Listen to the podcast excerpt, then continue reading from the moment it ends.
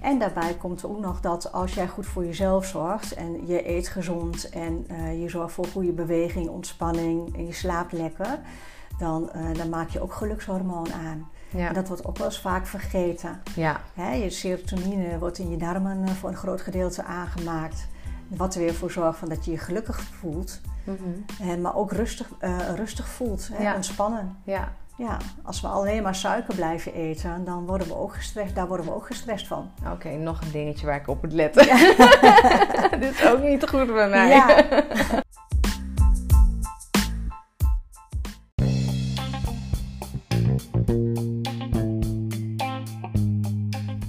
Welkom bij Happy FM, alles over werkgeluk. Vandaag met Nancy Harms Mollink.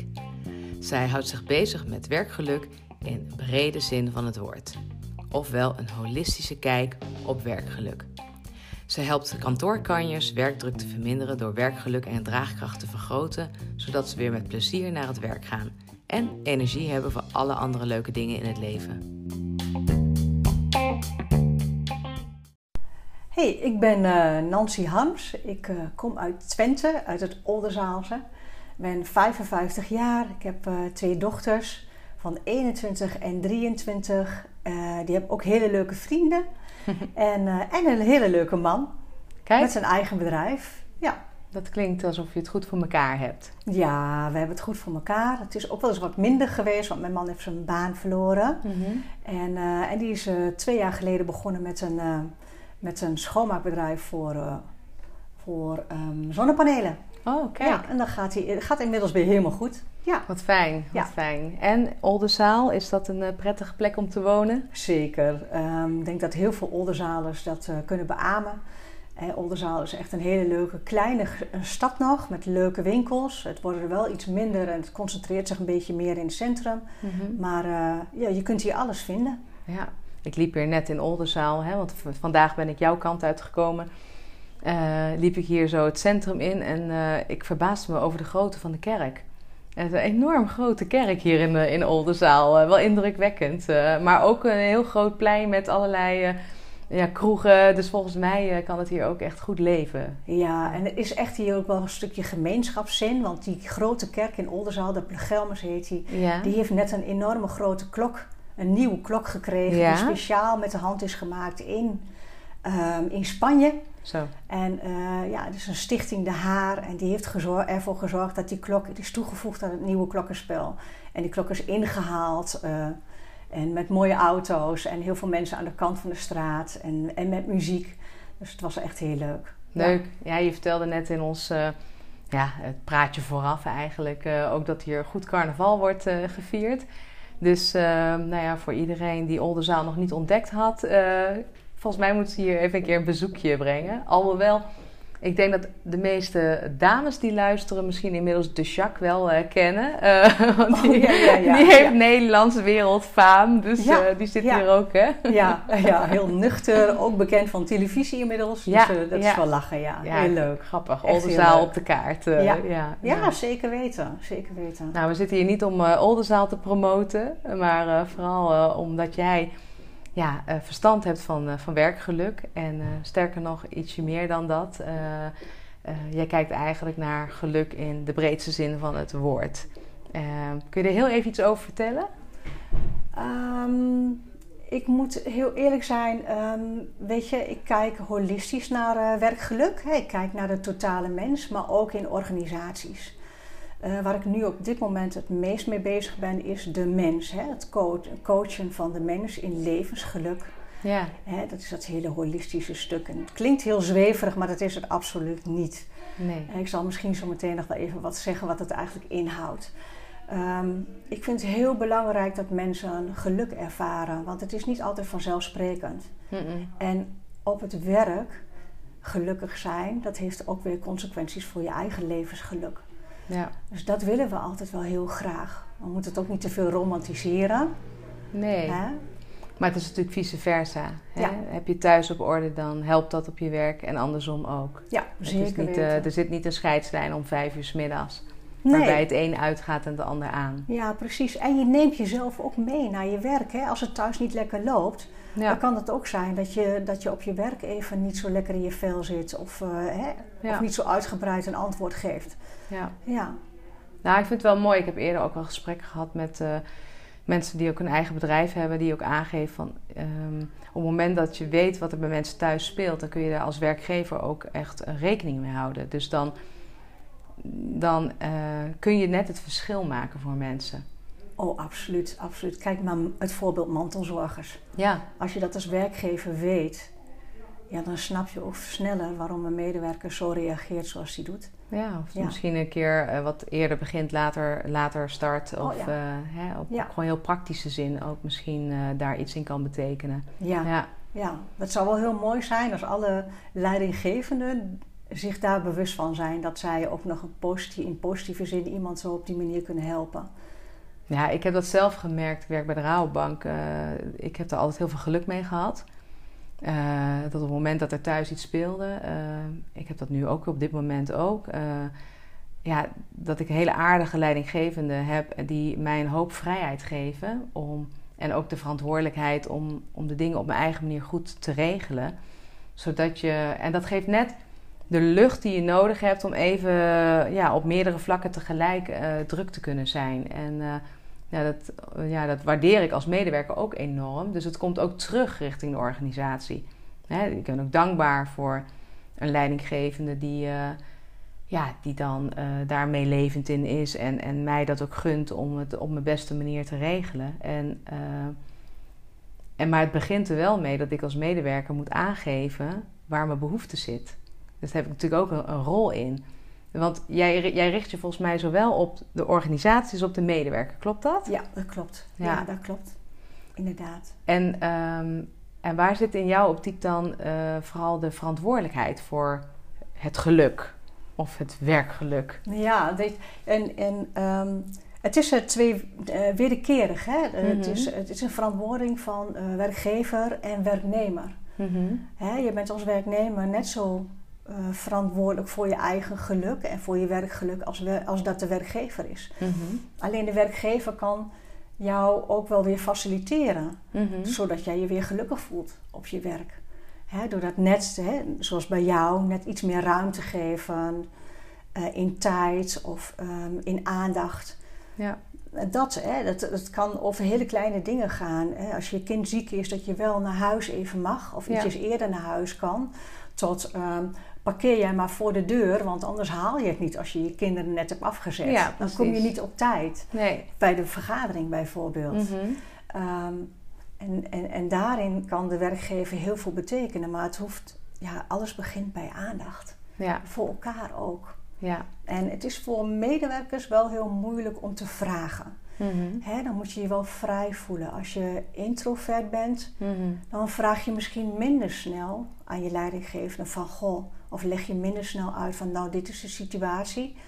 Um, zou ik iets meer tijd kunnen krijgen of iets later mogen beginnen Mm. of voor mogen parkeren? Of, of mag ik met mijn moeder hè, even naar, um, uh, naar het ziekenhuis? Kan ik daar vrij voor krijgen? En als je extravert bent, dan, dan is, is het dat makkelijker. makkelijker. Ja. Ja. ja, dan ben je iets vrijer in bewegen en, ja. en vragen. Durf je ook te vragen. Ja. Ja, dus, Ja. Maar het is altijd tweerichting verkeer. Dus van werknemer en werkgever is de verantwoordelijkheid. Maar ik hoor jou eigenlijk ook wel zeggen dat een van de, nou misschien wel een van de basale dingen die nodig zijn om, uh, ja, om die connectie goed te maken hè, tussen medewerker en werkgever. En daarbij samen te kijken naar wat is er nodig om uh, nou, dat, dat, dat gevoel van geluk te optimaliseren. Dat begint volgens mij met een soort van vertrouwen. Hè, het, het blootstellen naar elkaar en eh, elkaar iets gunnen en daar vertrouwen hebben dat het kan überhaupt. Ja, ik denk dat alles begint met veiligheid. Ja. Hè, het is natuurlijk nu een heel groot issue. Ik weet niet of we daarover moeten beginnen. Ik denk het maar niet. Over uh, de voice. Niet. Maar ah, ja, alles, alles begint met veiligheid. Ja. Hè, veiligheid en vertrouwen. En hoe is die relatie en hoe is die cultuur binnen de organisatie? Ja. Mag jij fouten maken?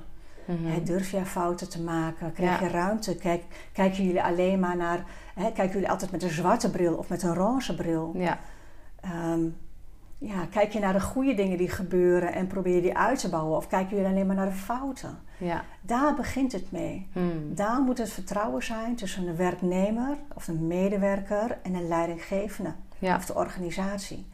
En ehm, ja, daar is nog veel in te winnen. Ja. Ja, omdat heel veel organisaties denken, hè, zoals bij Talpa, als je John Ja, Wall hoorde, ja. hij denkt echt dat het veilig is en dat hij alle eh, loketten klaar heeft staan voor als het is mi- mis mocht gaan. ja, maar ze worden Alleen- niet gevonden. Nee, ja, Nee. nee. hij, maar hij vergeet, hij vergeet te kijken. Ja, Dat is het. Ja. Ja. ja, Dus eh, daar moeten we echt wel heel erg alert op zijn. We kunnen allerlei vertrouwenspersonen klaarzetten. En, maar het moet, alles begint met veiligheid. En je veilig voelen. En dat je mag zeggen wat je graag wil. ja, En respect, en respect tegenover elkaar. Ja. ja.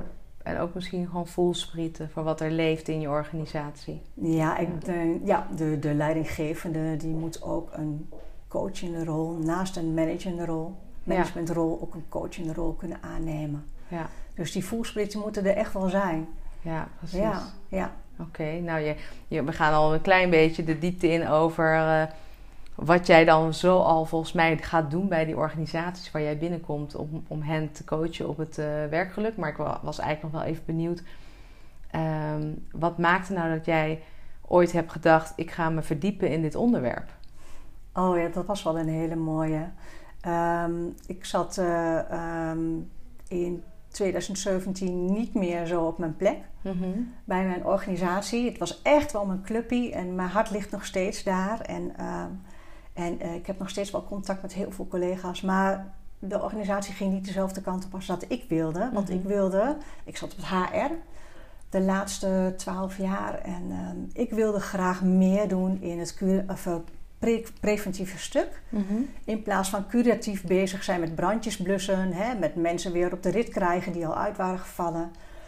Dus meer preventieve acties nemen en ervoor zorgen dat mensen een vitaal en gezonde eindstreep zouden halen. Ja, En ook die acties en daarin investeren. Dus moeten mensen opleidingen doen, moeten ze misschien een periodiek medisch onderzoek doen en, ehm, en eh, leefstijltrajecten. ja, Toen ehm, zijn wij uit elkaar gegaan. En eh, ben ik dus een opleiding, heb ik een opleiding gedaan van eh leefstijlcoach. ja, En die heb ik bij Mark Academy gedaan. En er zijn inmiddels eh, wel heel veel mensen die daar geslaagd zijn. Want het is Ja. gewoon een leuke, goede opleiding. Er zijn er heel veel inmiddels. Ehm, maar Mark Academy sprak mij aan omdat zij holistisch kijken. ja. Echt naar de, kijken breed, naar de- de breedste zin van het woord als het gaat om Ja, levensgeluk. ja, ja naar Ja. levensgeluk. Maar ze kijken daarbij naar de totale mens. Ja. Want jij kunt wel misschien overgewicht hebben. Mhm. Maar, maar waar komt dat vandaan? Hè? Ben Mhm. jij misschien wel een emotieeter? Ja. Ja. Hè? Jouw stress, waar komt die vandaan? Heb jij belemmerende gedachten? Ehm, of, of, of komt de, de, organisa- de denkbeelden van de organisatie zijn niet hetzelfde als dat jij hebt? Mhm. Hè? Wat vind je belangrijk? En eh, Ja. streef je dat nog steeds wel na? ja. Ja, Maar die, die opleiding bij Mark Academy die is eigenlijk inderdaad heel hè, breed. En die gaat eigenlijk over het hele spectrum wat invloed heeft op je levensgeluk. Van je vitaliteit tot, eh, ik denk aan eh, slaap, maar ook eh, heb je sociale contacten. En ik, hè, jij kan het beter vertellen dan ik, maar Ja. hè, heel breed. ja, Maar ergens heb jij gedacht van oké, maar ik wil met name richten uiteindelijk op het geluk binnen de muren van het kantoor. Of van, eh, Ja. of van, of van misschien een eh, productiebedrijf, maar in ieder geval binnen op de werkvloer. ja. En waarom wilde je vooral daar naartoe? Ehm, ehm, omdat ik eh, het fantastisch vind om in organisaties, in fabrieken bijvoorbeeld rond te lopen. Mhm. Ik heb echt een passie voor eh, alles wat met de maakindustrie te maken heeft. Ja, Ehm, dus ik heb dus in een fabriek ge- gewerkt waar salades werden gemaakt. Daarnaast ook een fabriek met sandwiches. Ik heb andere fabrieken ook nog gezocht, zeg maar zustermaatschappijen in Duitsland, in België, om daar eens te kijken. Ik ben in een eh, fabriek geweest waar ze veertjes maken, eh valvers. Ehm, ik ben in de kerncentrale van Petten geweest. Als er maar een open dag is, dan ben ik erbij. ja, ja, ja. Dus daar, eh, ik wilde echt dat werk erbij betrekken. ja. Ja, maar ik zie gewoon dat hè, met de, ehm, de ophoging in de tijd dat ik die studie deed, was echt de ophoging van de AOW-leeftijd. Dus mensen Mhm. moesten ook langer door. Dan denk ik, mijn god, ik zag ze daar trekken met eh, trechters met 300 kilo. Ja. Denk, hoe gaan ze dat redden met 67? Ja, ja. Ja, dus ehm, dat werkgeluk, dat maakte ook wel dat ik dacht van ja, dat is net één stap hoger dan leefstijlcoaching. Ja, ja. Het hoort er gewoon bij. ja. Ja dus, eh, dus dat is een goede stap geweest. Ja, dat Ja. is zeker een goede stap geweest. Zeker. Ja. En ehm, in de dingen die jij doet, nou ja, ben je aan de ene kant georiënteerd dus op de medewerker zelf, dus eigenlijk op de, de mens. Eh, maar tegelijkertijd begeleid je organisaties om dit, dit thema eigenlijk te implementeren in de organisatie. Ja, het, het stukje organisaties is nog wel heel jong. Mhm. Ik ben nu in gesprek met eh, diverse organisaties Mhm. om ervoor te zorgen en te kijken of zij iets met werkgeluk willen doen. Ja, Eh, wat nu nog met name is, is het, eh, het, het coaching van medewerkers die stress- of burn-out klachten hebben, die niet meer lekker in hun vel zitten, ja. bij wie het eh, werkgeluk ook veel minder wordt, doordat, het, doordat de vitaliteit ook minder wordt. ja. Ja, en die mensen die, ehm, die komen bij mij en die worden naar mij toegestuurd, tot nu toe. En als je dan zo even voor jezelf nagaat, eh, al die mensen die je dan inmiddels ontmoet eh, hebt, mm, is er een soort van gemene deler van waar de crux vaak zit? Waar, waar ze op stuk lopen of waar misschien ook de knop zit om aan te draaien om het weer beter te krijgen? Dat is natuurlijk niet zo heel eenvoudig te Nee. vertellen. Nee, nee het, het, ehm, de aanvliegroute is altijd dat je eerst jezelf moet leren kennen. Mhm. Wat zijn jouw kernwaarden? Wat is je missie? En daarnaast ehm, eh, moet je kijken van eh, wat maakt nou dat ik de klachten heb die ik nu heb? Mhm. Hè, wat maakt nou dat ik bijvoorbeeld niet meer slaap? Mhm. En waar komt dat door? En komt dat doordat die kernwaarden en missie niet meer, ehm, moet ik dat zeggen? Als er een mismatch is tussen, jouzelf, tussen je eigen kernwaarden en het werk wat je doet of de organisatiedoelen? Of... Ja, weet je, de meeste mensen die, ehm, die, die realiseren zich niet dat ze zelf heel veel invloed hebben. Mhm. En die gaan maar door totdat ze uiteindelijk in een burn-out terechtkomen. Dus die gaan constant over grenzen heen en die zijn eigenlijk vergeten waarom ze voor deze baan hebben gekozen. Mhm. Waarom hebben ze deze studie gedaan? Wat vonden ze toen de tijd er leuk aan? Mhm. Wat wilden ze bereiken? Ze hebben ook hun, eh, hun purpose, hun doel vergeten Ah ja. in leven. Ja. en Ja. dat is purpose is natuurlijk een enorm mooi begrip in het werkgeluk. Ja. Maar iedereen heeft wel ergens een, een, een soort van missie en een passie voor zijn werk. Ja. En ehm, vaak verzand je in, ehm, ja, in dingen die je misschien niet zo leuk vindt en taken die je niet zo leuk vindt. En mensen die je niet zo leuk vindt, waarmee je moeilijker door één deur kan. Mhm. En dan gaat het werkgeluk heel snel naar beneden. ja. Ja. Dus dan zit het in de people. Ja, Dus of, eh, ja, nou ja, de, de vier P's die vaak genoemd worden. Hè? Dat, eh, nou, purpose, waar doe je het voor? De zingeving feitelijk. Hè? Eh, en past dat bij je eigen kernwaarden? People, ehm, nou, voel je je fijn tussen de mensen met wie je werkt? Heb je er, eh, nou ja, heb je daar ook misschien iemand tussen zitten waar je je ei echt een beetje bij kwijt kunt, die je echt vertrouwt? Hè? Eh, dan hebben we de P van eh, pleasure, plezier. Kun je nog een beetje lol hebben met elkaar. En dan de vierde, progress. ehm, nou ja, die zie ik als zijnde... kun je jezelf ontwikkelen. Maar het kan voor mij ook betekenen dat je aan het einde van de dag het gevoel hebt... dat je resultaat geboekt hebt. Dat je het gevoel hebt dat wat je doet... Nou, dat er ook een soort van resultaat...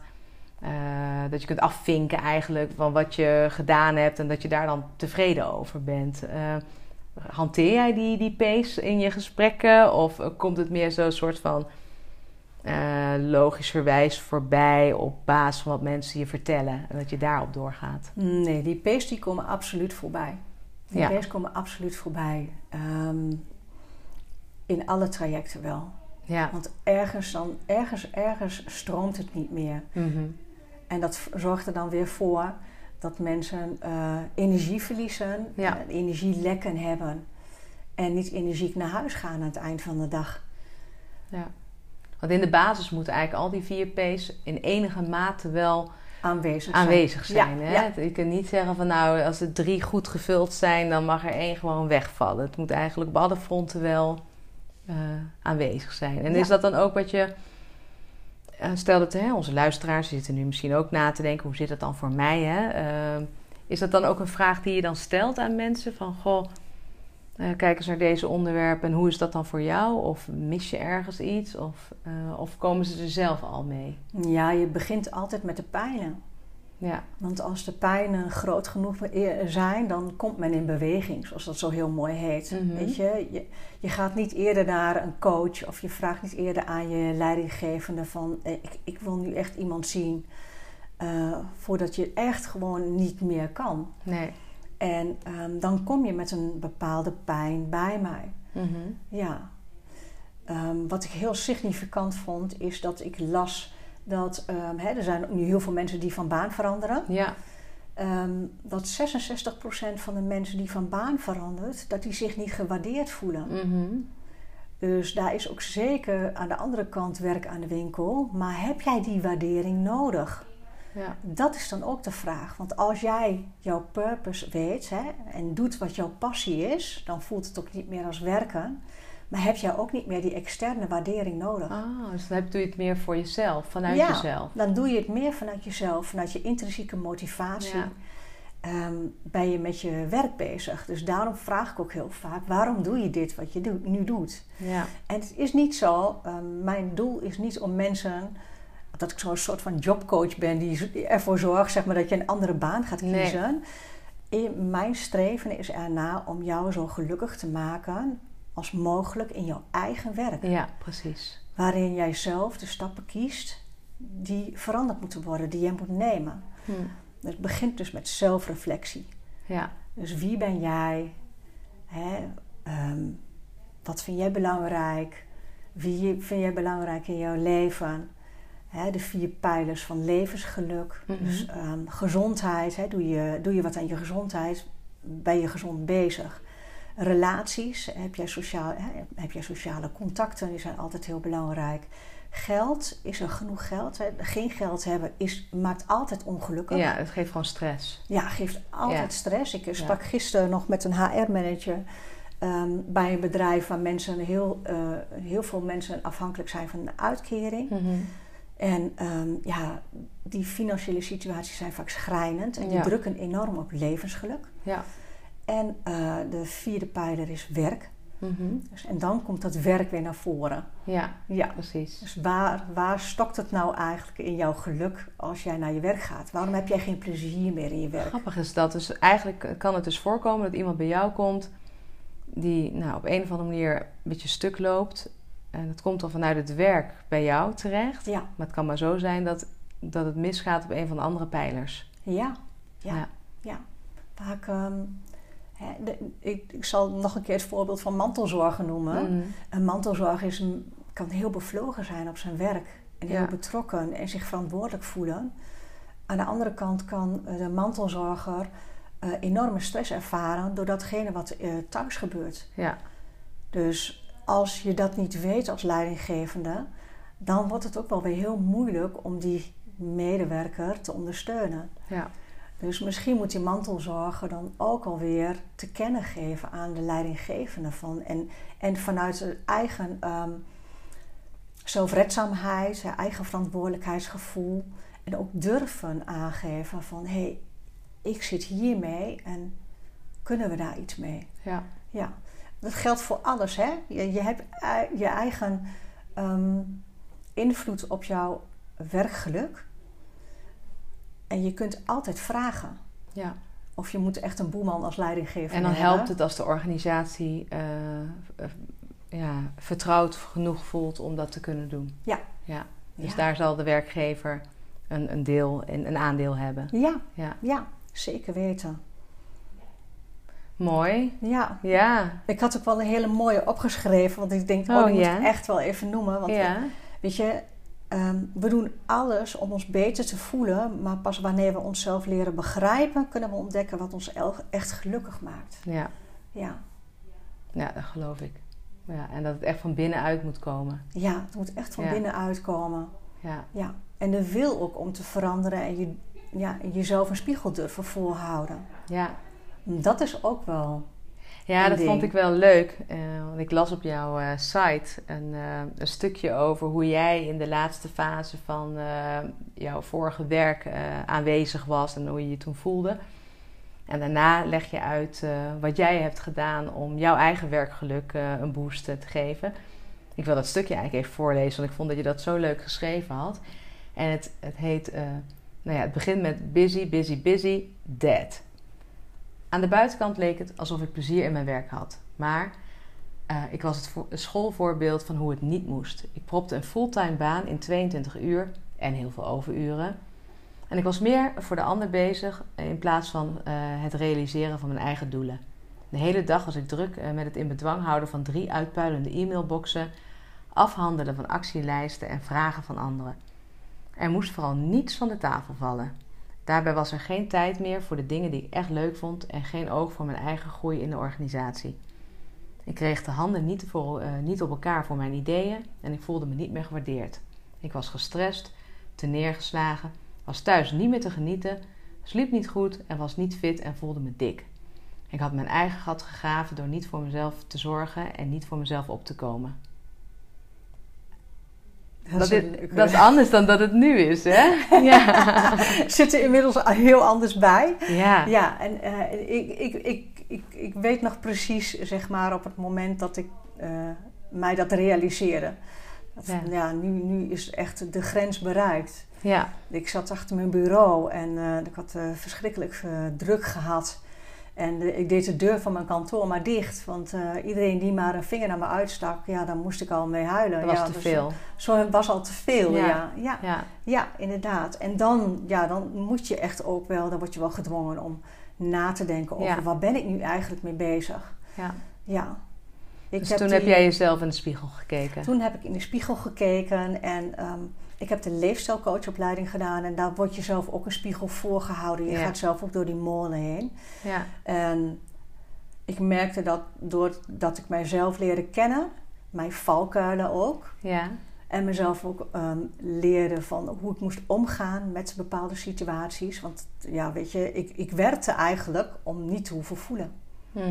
Dat is net als dat mensen, bepaalde mensen gewoon gaan eten om niet te Ja. hoeven voelen. Ja. Ik bleef gewoon maar doorgaan met alle eventjes en, ehm, en die inboxen. Om maar niet te hoeven nadenken wat ik eigenlijk wilde. Mhm.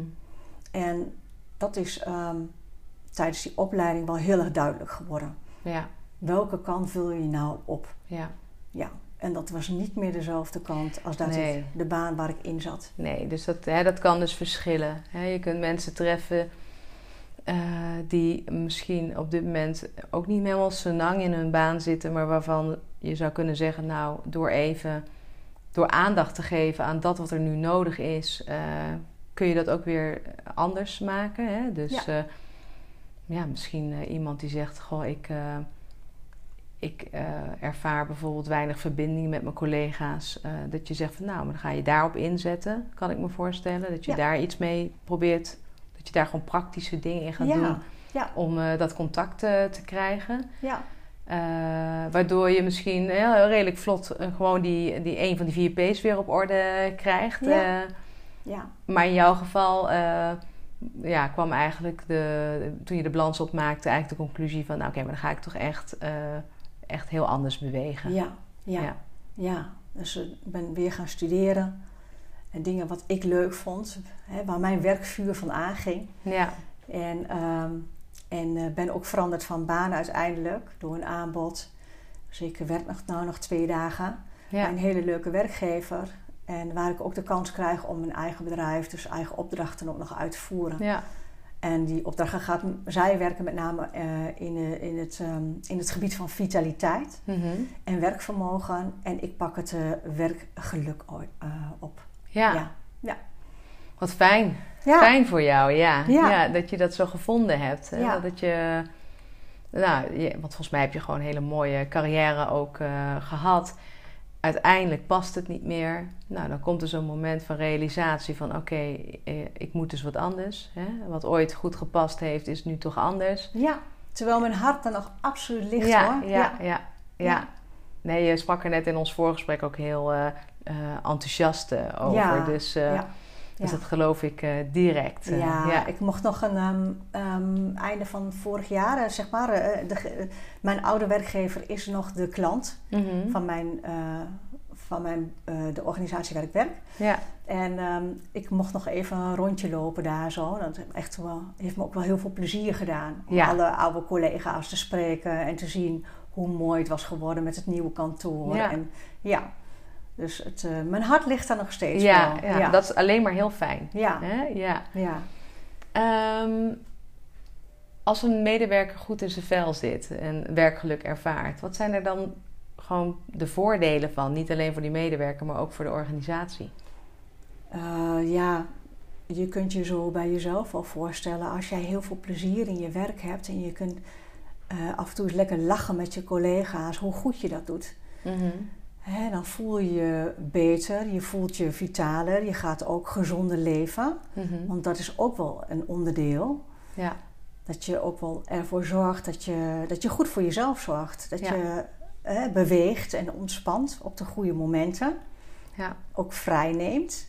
In mijn geval op tijd naar bed gaan. Ook op tijd naar bed gaan. ook wel weer, nu we weer kunnen, weer gaan sporten. Ja. Dat ontspant direct. Ja. Hè? In de lunch eh, met hybride werken, met thuiswerken. Oh, je, je kunt eeuwig doorgaan. Maar je moet er juist voor zorgen dat je tussen de middag even eh, het toetsenbord neerlegt, eh, de computer dichtklapt en naar buiten gaat. Mhm. We hebben het ontzettend nodig. ja. Dus dat is heel belangrijk. Ja. Nou, het is een oproep aan iedereen om eh, naar het totaalplaatje te kijken. Ja. En daarbij eh, nou ja, alle facetten in oogschouw te nemen. Ja, Dus voor mezelf filter ik eruit eh, meer bewegen. op tijd naar bed, dat is voor mij echt een belangrijke. Ja. Daar, dat, dat, nou, dat blijft bij mij in ieder geval vaak achter. Want dan zit ik net s'avonds en dan kijken Jan en ik samen naar een uitzending of een aflevering van Suits op Netflix. En dan kunnen we het niet laten om er nog één te kijken. Nou ja, en dan wordt het te laat. dus eh, dat is heel onverstandig. Ja. het ontspant wel als we kijken. Dat Ja. is op zich een voordeel ervan. Maar dan vervolgens liggen we weer te laat in bed. Dus dat, eh, dat moeten we afleren. Maar, eh, maar ik herken het natuurlijk wel. Want je bent natuurlijk ook een stuk ja, weerbaarder. En kijk, overdag voel ik me... Ja, omhoog. ik voel me natuurlijk een stuk beter als ik een beetje lekker in mijn vel Ja. zit. En daarbij komt ook nog dat als jij goed voor jezelf zorgt en je eet gezond en eh, je zorgt voor goede beweging, ontspanning en je slaapt lekker, dan, eh, dan maak je ook gelukshormoon aan. Ja. En dat wordt ook wel eens vaak vergeten. ja. Hè, je serotonine wordt in je darmen eh, voor een groot gedeelte aangemaakt.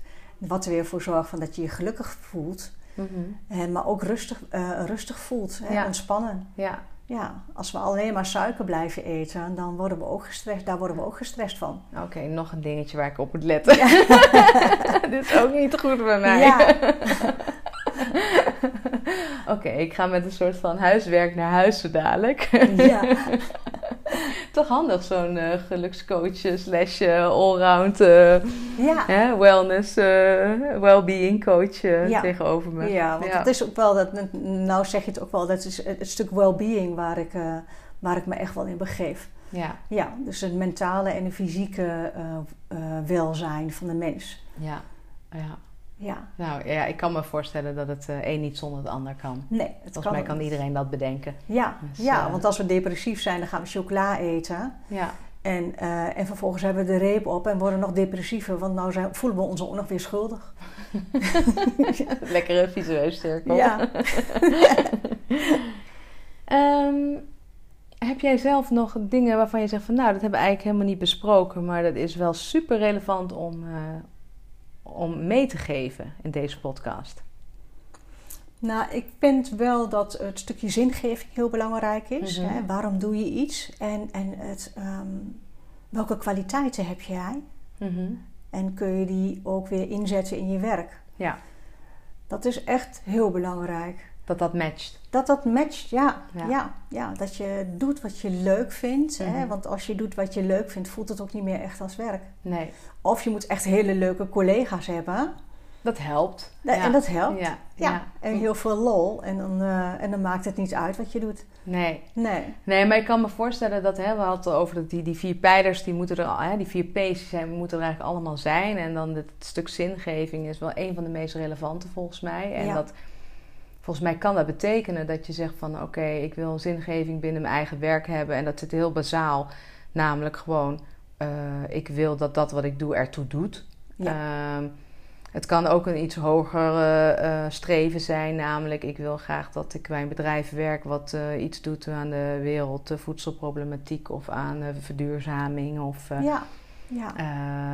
maar de, belangrijk is dat je weet waar jij zelf op aanslaat en hoe dat ofwel in je werk of misschien wel meer op organisatieniveau ook terug te vinden is. Dat je weet hoe je daaraan bijdraagt. Ja. En eh, als ik voor mezelf kijk, ik ga altijd gewoon aan van hele blije mensen. Dus eh, ik ben altijd, ik vind dat heel fijn. Ik ben in die zin echt zo'n dienstverlener. Echt vanuit het facilitaire hou ik ervan om eh, als iemand aan mijn bureau staat en die is blij dat we iets georganiseerd hebben of die wil graag iets.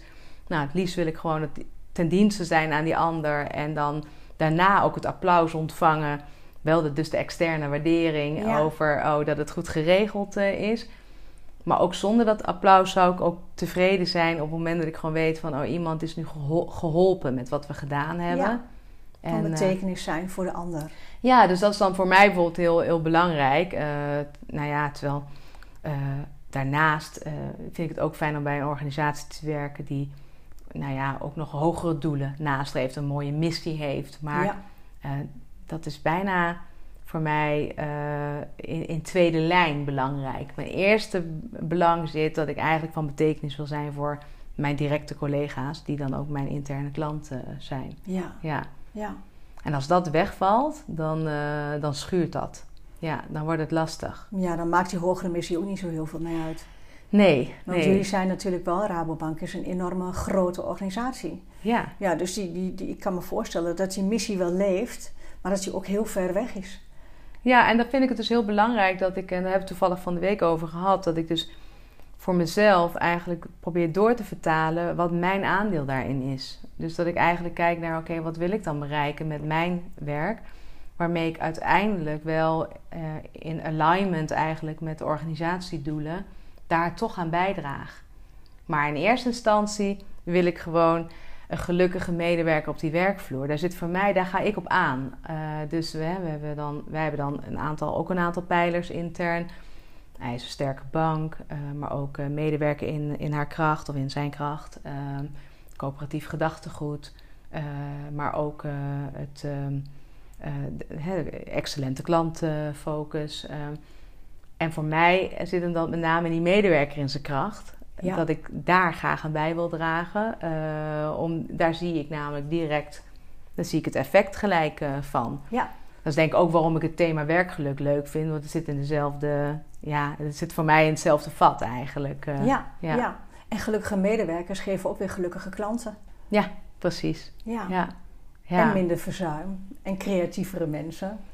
Ja, want we hadden het over de denken. voordelen inderdaad Ja, van die gelukkige medewerker. Ja, en, eh, dat- vergeten ja, ik wou het zeggen, we zijn er van het spoor afgedwaald. Maar Ja. ja. ja, die gelukkige medewerker, die, dan wat jij daarover zegt, hè, die is dus productiever en innovatiever, creatiever. Ja, Verzuimt minder. Voelt zich veel meer betrokken. ja. Ja, en verantwoordelijk.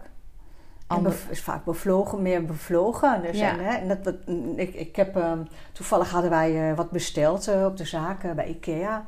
Mhm. Nou ja, goed, ik heb, ehm, het, het kwam niet en ik ging bellen. En ik heb eh, een uur aan de telefoon gezeten voordat ik ehm, iemand van de klantenservice aan de telefoon kreeg. Mhm.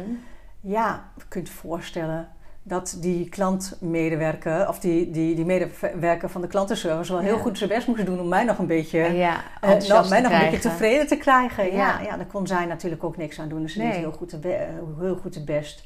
Maar eh, ja, dat, diegene die aan de andere kant aan de telefoon zit, die is wel heel belangrijk voor als je klant bent. Ja, Of als je ergens bij een restaurant zit. En ehm, ik heb ooit een keer een stukje geschreven over als je in Parijs eh, op een eh, terrasje zit. Ja, dan krijg je van, uh, van, van de meter af, uh, wordt dat uh, kopje koffie met een sloot naar, je toe, naar je toe gegooid. Ja, op je, op je tafeltje gekwakt, zeg maar. Want je bent wel heel vervelend als toerist. Oh, ja. Tenminste, dat gevoel Ja. krijg ik heel Ja. vaak in Parijs. Ja. Maar ehm, ja, als jij eh, een horecabedrijf hebt en jij hebt medewerkers die zich betrokken en bevlogen voelen, eh, die plezier in hun werk hebben, die plezier met elkaar hebben, Ja. ja, dan heb je ook automatisch leuke, leuke gesprekken met klanten. ja. En dan kom je daar als klant gewoon weer terug. Ja, Ja, ja ik ben daar ook extreem eh, gevoelig voor. ja En, ik eh, ook. We zijn ook een keer eh, hè, ooit naar Florida geweest. En dan wordt altijd gezegd over Amerikanen dat het nou, misschien allemaal niet heel oprecht is. Heel eerlijk, het interesseerde mij niet zo heel veel. Ik werd gewoon ontzettend leuk eh, geholpen. En overal waar wij liepen waren er Amerikanen. Ik was toen met Jan daar. En overal waar wij liepen was er wel een Amerikaan die ons samen op de foto wilde zetten. Ik had die behoefte helemaal niet om steeds samen op de foto te gaan. Maar ik vond het ontzettend aardig van ze dat ze dat steeds aanbieden. Ja, Eh, en, en eigenlijk dat, nou ja, dat, dat sfeertje waarbij men de hele tijd op de ander let om te kijken van kunnen we nog iets voor je doen. Ja, dat, dat vind ik wel heel, heel fijn. En eh, ja, daar ga ik op aan. Dus ja, Ja. het liefst... eh, ja, dus, dus als ik naast zo'n blij ei aan de andere kant heb, daar word ik wel heel vrolijk Ja. van. En daar ga ik als klant in ieder geval heel goed op aan. ja, Dus ik kom ook eh, liever elders dan in, in Frankrijk. ja. Maar nu, nu gaan we ieder, alle francofielen ontzettend beledigen. Ja, dus, eh, ja, ja, nou, ik ben ook, moet ook al op terugkomen, want ik ben met mijn vriendinnen. eh wij hebben een kookclub, eh, zijn we, hebben ons tienjarig bestaan dit jaar gevierd in Frankrijk, in Bergerac. En dat was echt fantastisch. En we hadden ehm, gespannen Fransen, zeg maar, in een restaurant. En omdat ook het hele COVID-gebeuren en alle Ja. regels en zo allemaal, daar werd het personeel niet blij van. Maar aan de andere kant eh, hebben we ook eh, hele leuke gesprekken gevoerd op markten enzovoort. eh, over Max Verstappen. Als je, van- als je zegt dat je van Nederland komt, dan, dan is het direct Max Ja. Verstappen. Dat is echt heel leuk. Ja, ja, Ah, dus ja. Mijn, mijn visie op Frankrijk is wel een beetje tweeledig. Ja, Nou ja, en uiteindelijk, ik heb laatst Milo Berlijn gesproken en die zegt ook: wat je geeft, krijg je terug. Ja. En misschien moet je bij de een iets harder de- je best doen dan bij de ander, maar eh, je, volgens mij heb je, kun je een hoop invloed hebben met wat je geeft. En, zeker. eh, zeker. dus eh, nou ja, Ja. laten we vooral zelf iets positiefs uitstralen. Ja. En geluk geef je door. Kijk, ik vind het eigenlijk een mooie afsluiter, Nancy. Ja, dat vind Ja. ik ook wel een Ja. hele mooie. Ja, dankjewel voor dit gesprek. Ja, jij ook bedankt dat ik mocht komen.